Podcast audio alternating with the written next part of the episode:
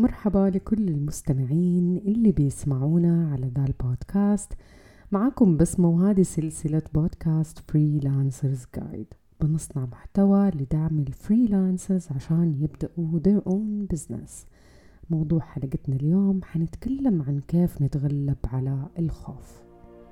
إذا كنت خريجة أو ما زلت تدرسي وأتعاملت مع عملاء بسيطين سواء كانوا شركات أو أفراد نفرض مثلا قدمتي لهم خدمات تصاميم graphics أو تصاميم ديكور أو حتى fashion أو مثلا كان مجالك مونتاج videos أو ترجمة أو كتابة محتوى هذا البودكاست حيساعدك تحولي شغلك ل business تملكي. اليوم حنتكلم عن الخوف ومو بس الخوف حنتكلم عن الخوف من المغامرة من التجربة من المجازفة. الخوف من والتردد من إنه إحنا نحط نفسنا في الواجهة وإنه إحنا آه، نحط نفسنا أمام الناس ونقول لهم أو نشارك فيها مهاراتنا وإبداعاتنا. هذه واحدة من الأشياء اللي دائما يعني شعور ملازم طوال الوقت لصاحب العمل الحر. حتى مهما إيش كان آه، المرحلة اللي بيوصل فيها صاحب العمل الحر إلا ما يكون في الخوف. حتى لو كان محترف حتى لو مثلا مر أربعة خمسة ستة سنوات على احترافه للعمل الحر. الشعور بالخوف حيكون ملازم تماما لصاحب العمل الحر.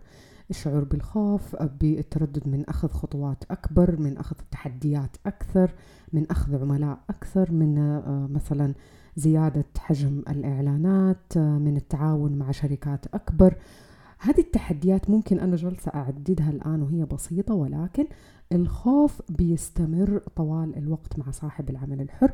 فبمجرد ما إنه إحنا نتعلم كيف نواجه هذا الخوف كيف يجينا هذا الشعور كيف نتغلب على هذا الخوف إيش الأشياء اللي إحنا المفروض نسويها عشان آه نعرف كيف نتصرف أو نتعامل مع الخوف اللي بداخلنا. لازم أول حاجة نفهم الخوف إيش هو. الخوف أنا وهذا قلتها في انستغرام يمكن كثير الخوف حطي في بالك دائما إنه الخوف ترى مجرد شعور. هو عبارة عن شعور آه بنشعر فيه يشبه تماما الشعور بالسعادة بالحزن بالملل بالطفش. هو عبارة عن شعور بيجينا وبيروح. لو إحنا ف... يعني فقط فكرنا في هذه النقطة فقط, فقط فكرنا إنه الشعور بالخوف ممكن ينتهي ولازم إحنا نعرف كيف نتعامل معاه أو كيف ننهيه بسرعة أو كيف آه نفكر إنه إحنا آه نتعامل ونوجه هذه آه المشاعر. من الأشياء المهمة وهذه قلتها قبل كذا إنه إحنا نعرف فين نوجه مشاعرنا عشان تخدمنا آه، وهذه تعتبر من الصحة العقلية من الصحة الذهنية من الصحة النفسية. ولازم نثقف نفسنا في هذه الأشياء الأمانة لأنها فعلا حتساعدنا إنه إحنا نواجه التحديات كأصحاب آه، عمل حر. بنحاول إنه إحنا آه، نشارك مهاراتنا مع الناس ونحط نفسنا أمام الناس عشان نقول لهم إنه إحنا عندنا مهارة عندنا حاجة ممكن يستفيدوا منها ممكن يعطونا على أساسها آه، فلوس أو يعطونا على أساسها دخل.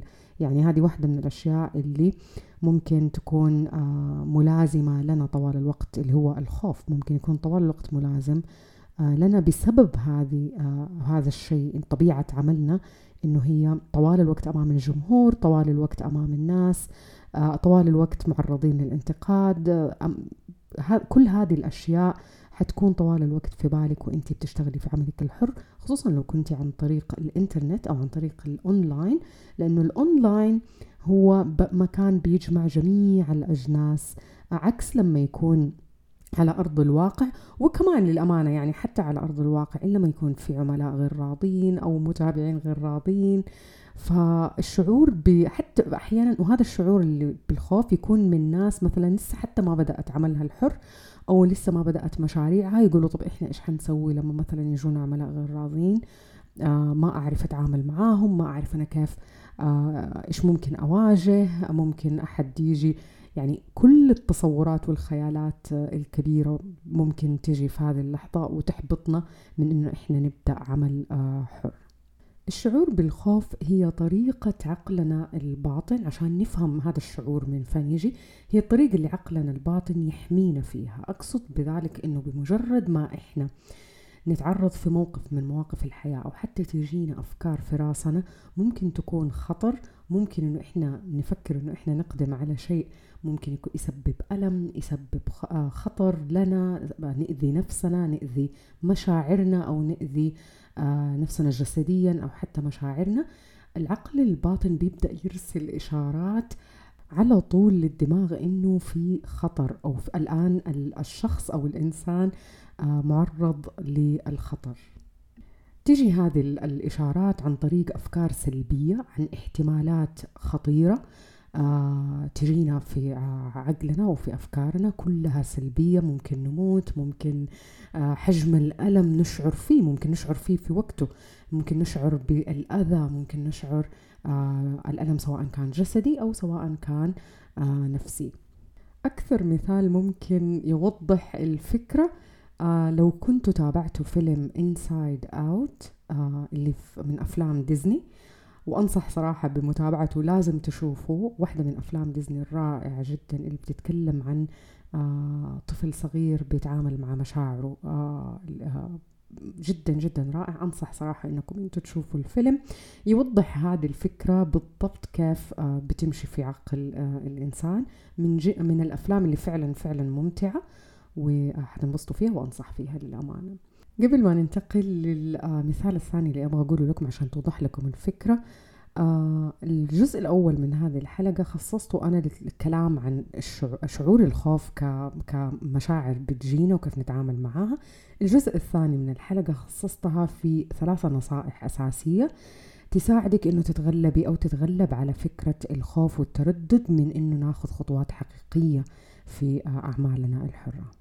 المثال الثاني اللي أبغى أقول لكم إياه ويمكن هو فعلا المثال اللي حيوضح الفكرة إنه في مرحلة أكيد في مرحلة من مراحل حياتنا جربنا هذا الشيء. لما نروح الملاهي مثلا هذا هو المثال اللي بقول لكم إياه. لو رحنا للملاهي وجربتي لعبة جديدة وخطيرة راح تلاقي عقلك تلقائيا وانت لسه ما دخلتي للعبة وانت لسه جالسة بتنتظري متى تبدأ اللعبة بيسوي عقلك بيسوي هجوم كاسح. وكل الأفكار السلبية السيناريوهات البطالة تيجي في راسك. السبب إنه هذه الميكانيزم اللي بيشتغل فيها عقلنا يشتغل فيها عشان يحمينا زي ما قلت قبل كده يحمينا من الألم من الحزن من الأذى. طيب إحنا كيف نتخطى هذا الشعور عادة؟ آه، نتخطى هذا الشعور ببساطة إنه إحنا نقفل عقلنا من استقبال هذه الأفكار ومن التفكير أصلا في هذه الأفكار ونقول لنفسنا لا تفكري لا تفكري إنه just do it. قفل عقلك وخوضي هذه التجربة ولا تسمعي للأفكار السلبية. وبمجرد ما تبدأ اللعبة مثلا أو بمجرد ما تبداي تقفزي أو أو خلاص تخوضي التجربة يختفي الخوف لما يدرك عقلك إنه الخطر آه، زال حيبدأ الإكسايتمنت اللي هو الشعور بالمغامرة والشعور هذا الجميل اللي بيجينا بمجرد إنه إحنا نجرب حاجة جديدة. نفس الشيء يجينا هذا الشعور ولكن يمكن في الملاهي هي ال extreme الشعور الكبير اللي كذا مشاعر قوية ولكن في, في مثلا أعمال آه، العمل الحر والمشاريع ممكن هذا ما يكون الشعور بنفس المستوى بنفس آه، الحجم. فمجرد ما يبدأ الخوف يختفي يصير ما في داعي للخوف ويبدأ يتلاشى الخوف تدريجيا.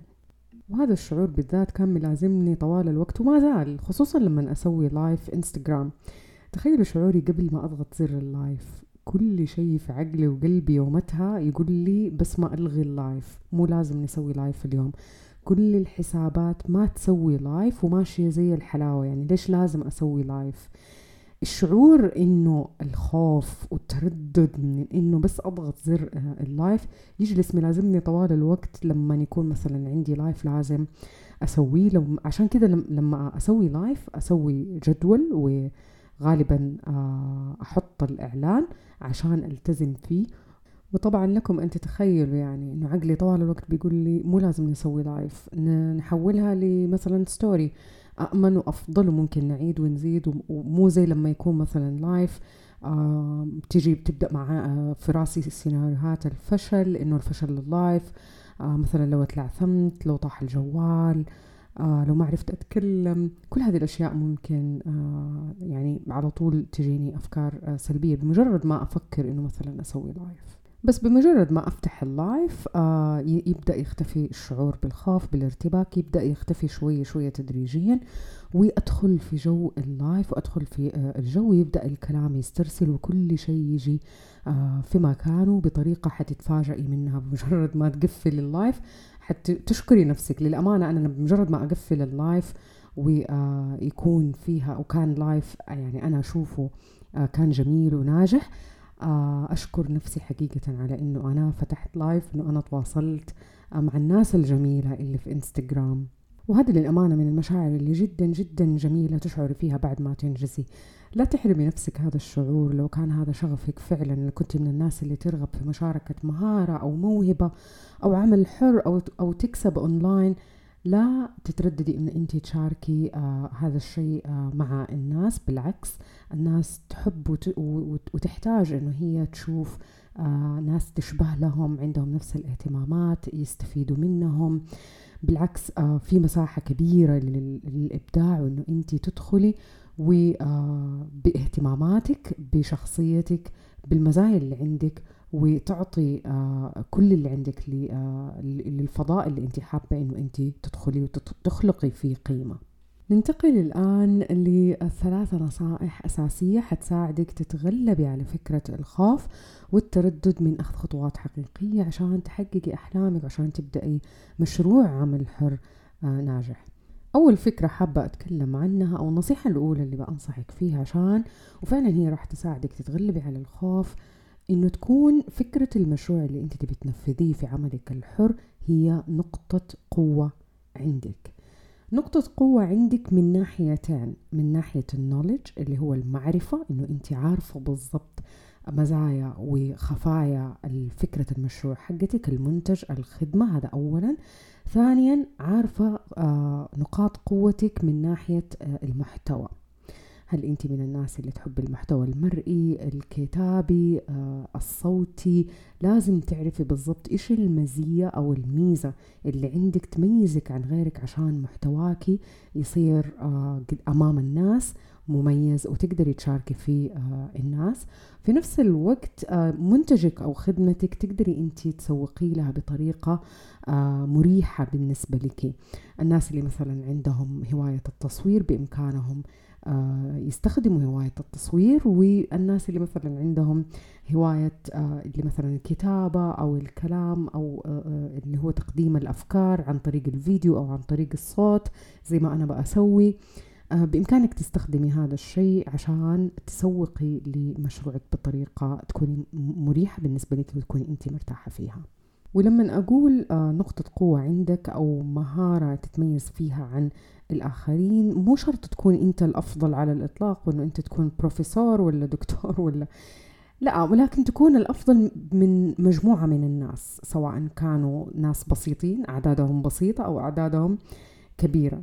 أهم حاجة أنه أنت تكون الأفضل أو أنت تشعر إنه هذه نقطة قوة عندك تقدر إنه أنت تعلمها للناس أو تقدر إنه أنت تشاركها مع الناس أو تقدر تبيعها للناس أو تصنعها أو تقدم هذه الخدمة بطريقة أفضل من غيرك وتقدر إنه أنت تنافس فيها. طبعا مو شرط تكون متميز جدا وأكثر وأفضل من ناس كثيرين ولكن على الأقل تكون عندك الرغبة في التقدم أو الرغبة في التعلم الرغبة في إنه أنت تتقدم في هذا المشروع أو هذه الفكرة أو إنه أنت تصير أفضل من غيرك في هذه الفكرة.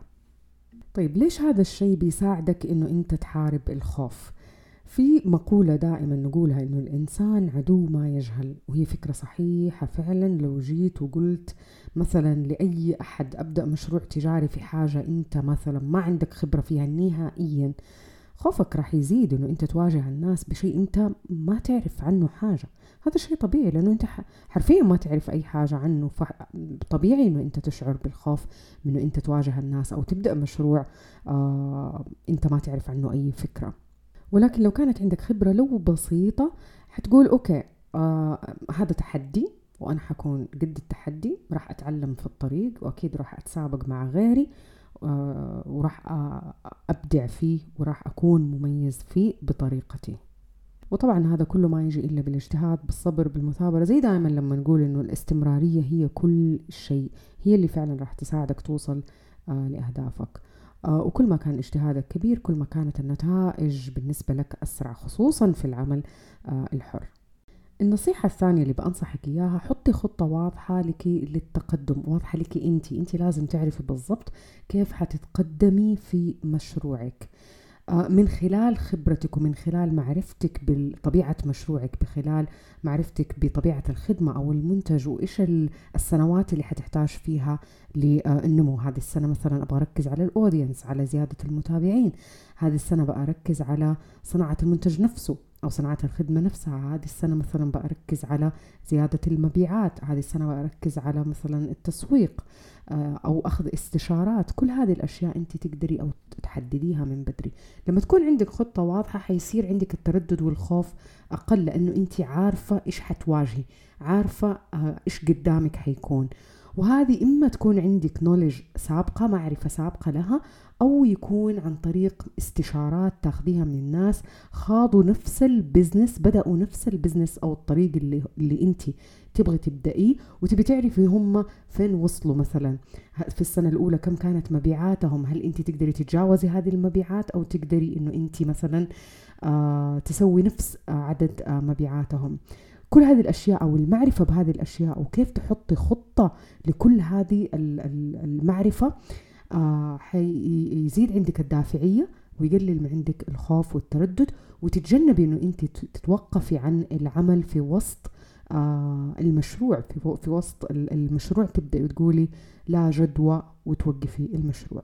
النصيحة الثالثة والأخيرة الإنجاز أهم من الكمال. أعيدها مرة ثانية الإنجاز أهم من الكمال. لو كنت من الناس اللي تحبي الرحلات ونفسك تنظمي رحلات للعوائل مثلا بس مترددة خايفة إنه تاخذي مثلا فلوس من الناس يمكن إنه تبدأ عندك الوساوس إنه ممكن يصير خطأ يمكن الناس ما حترتاح يمكن أنا ما أقدر أسوي ما أقدر أنجز.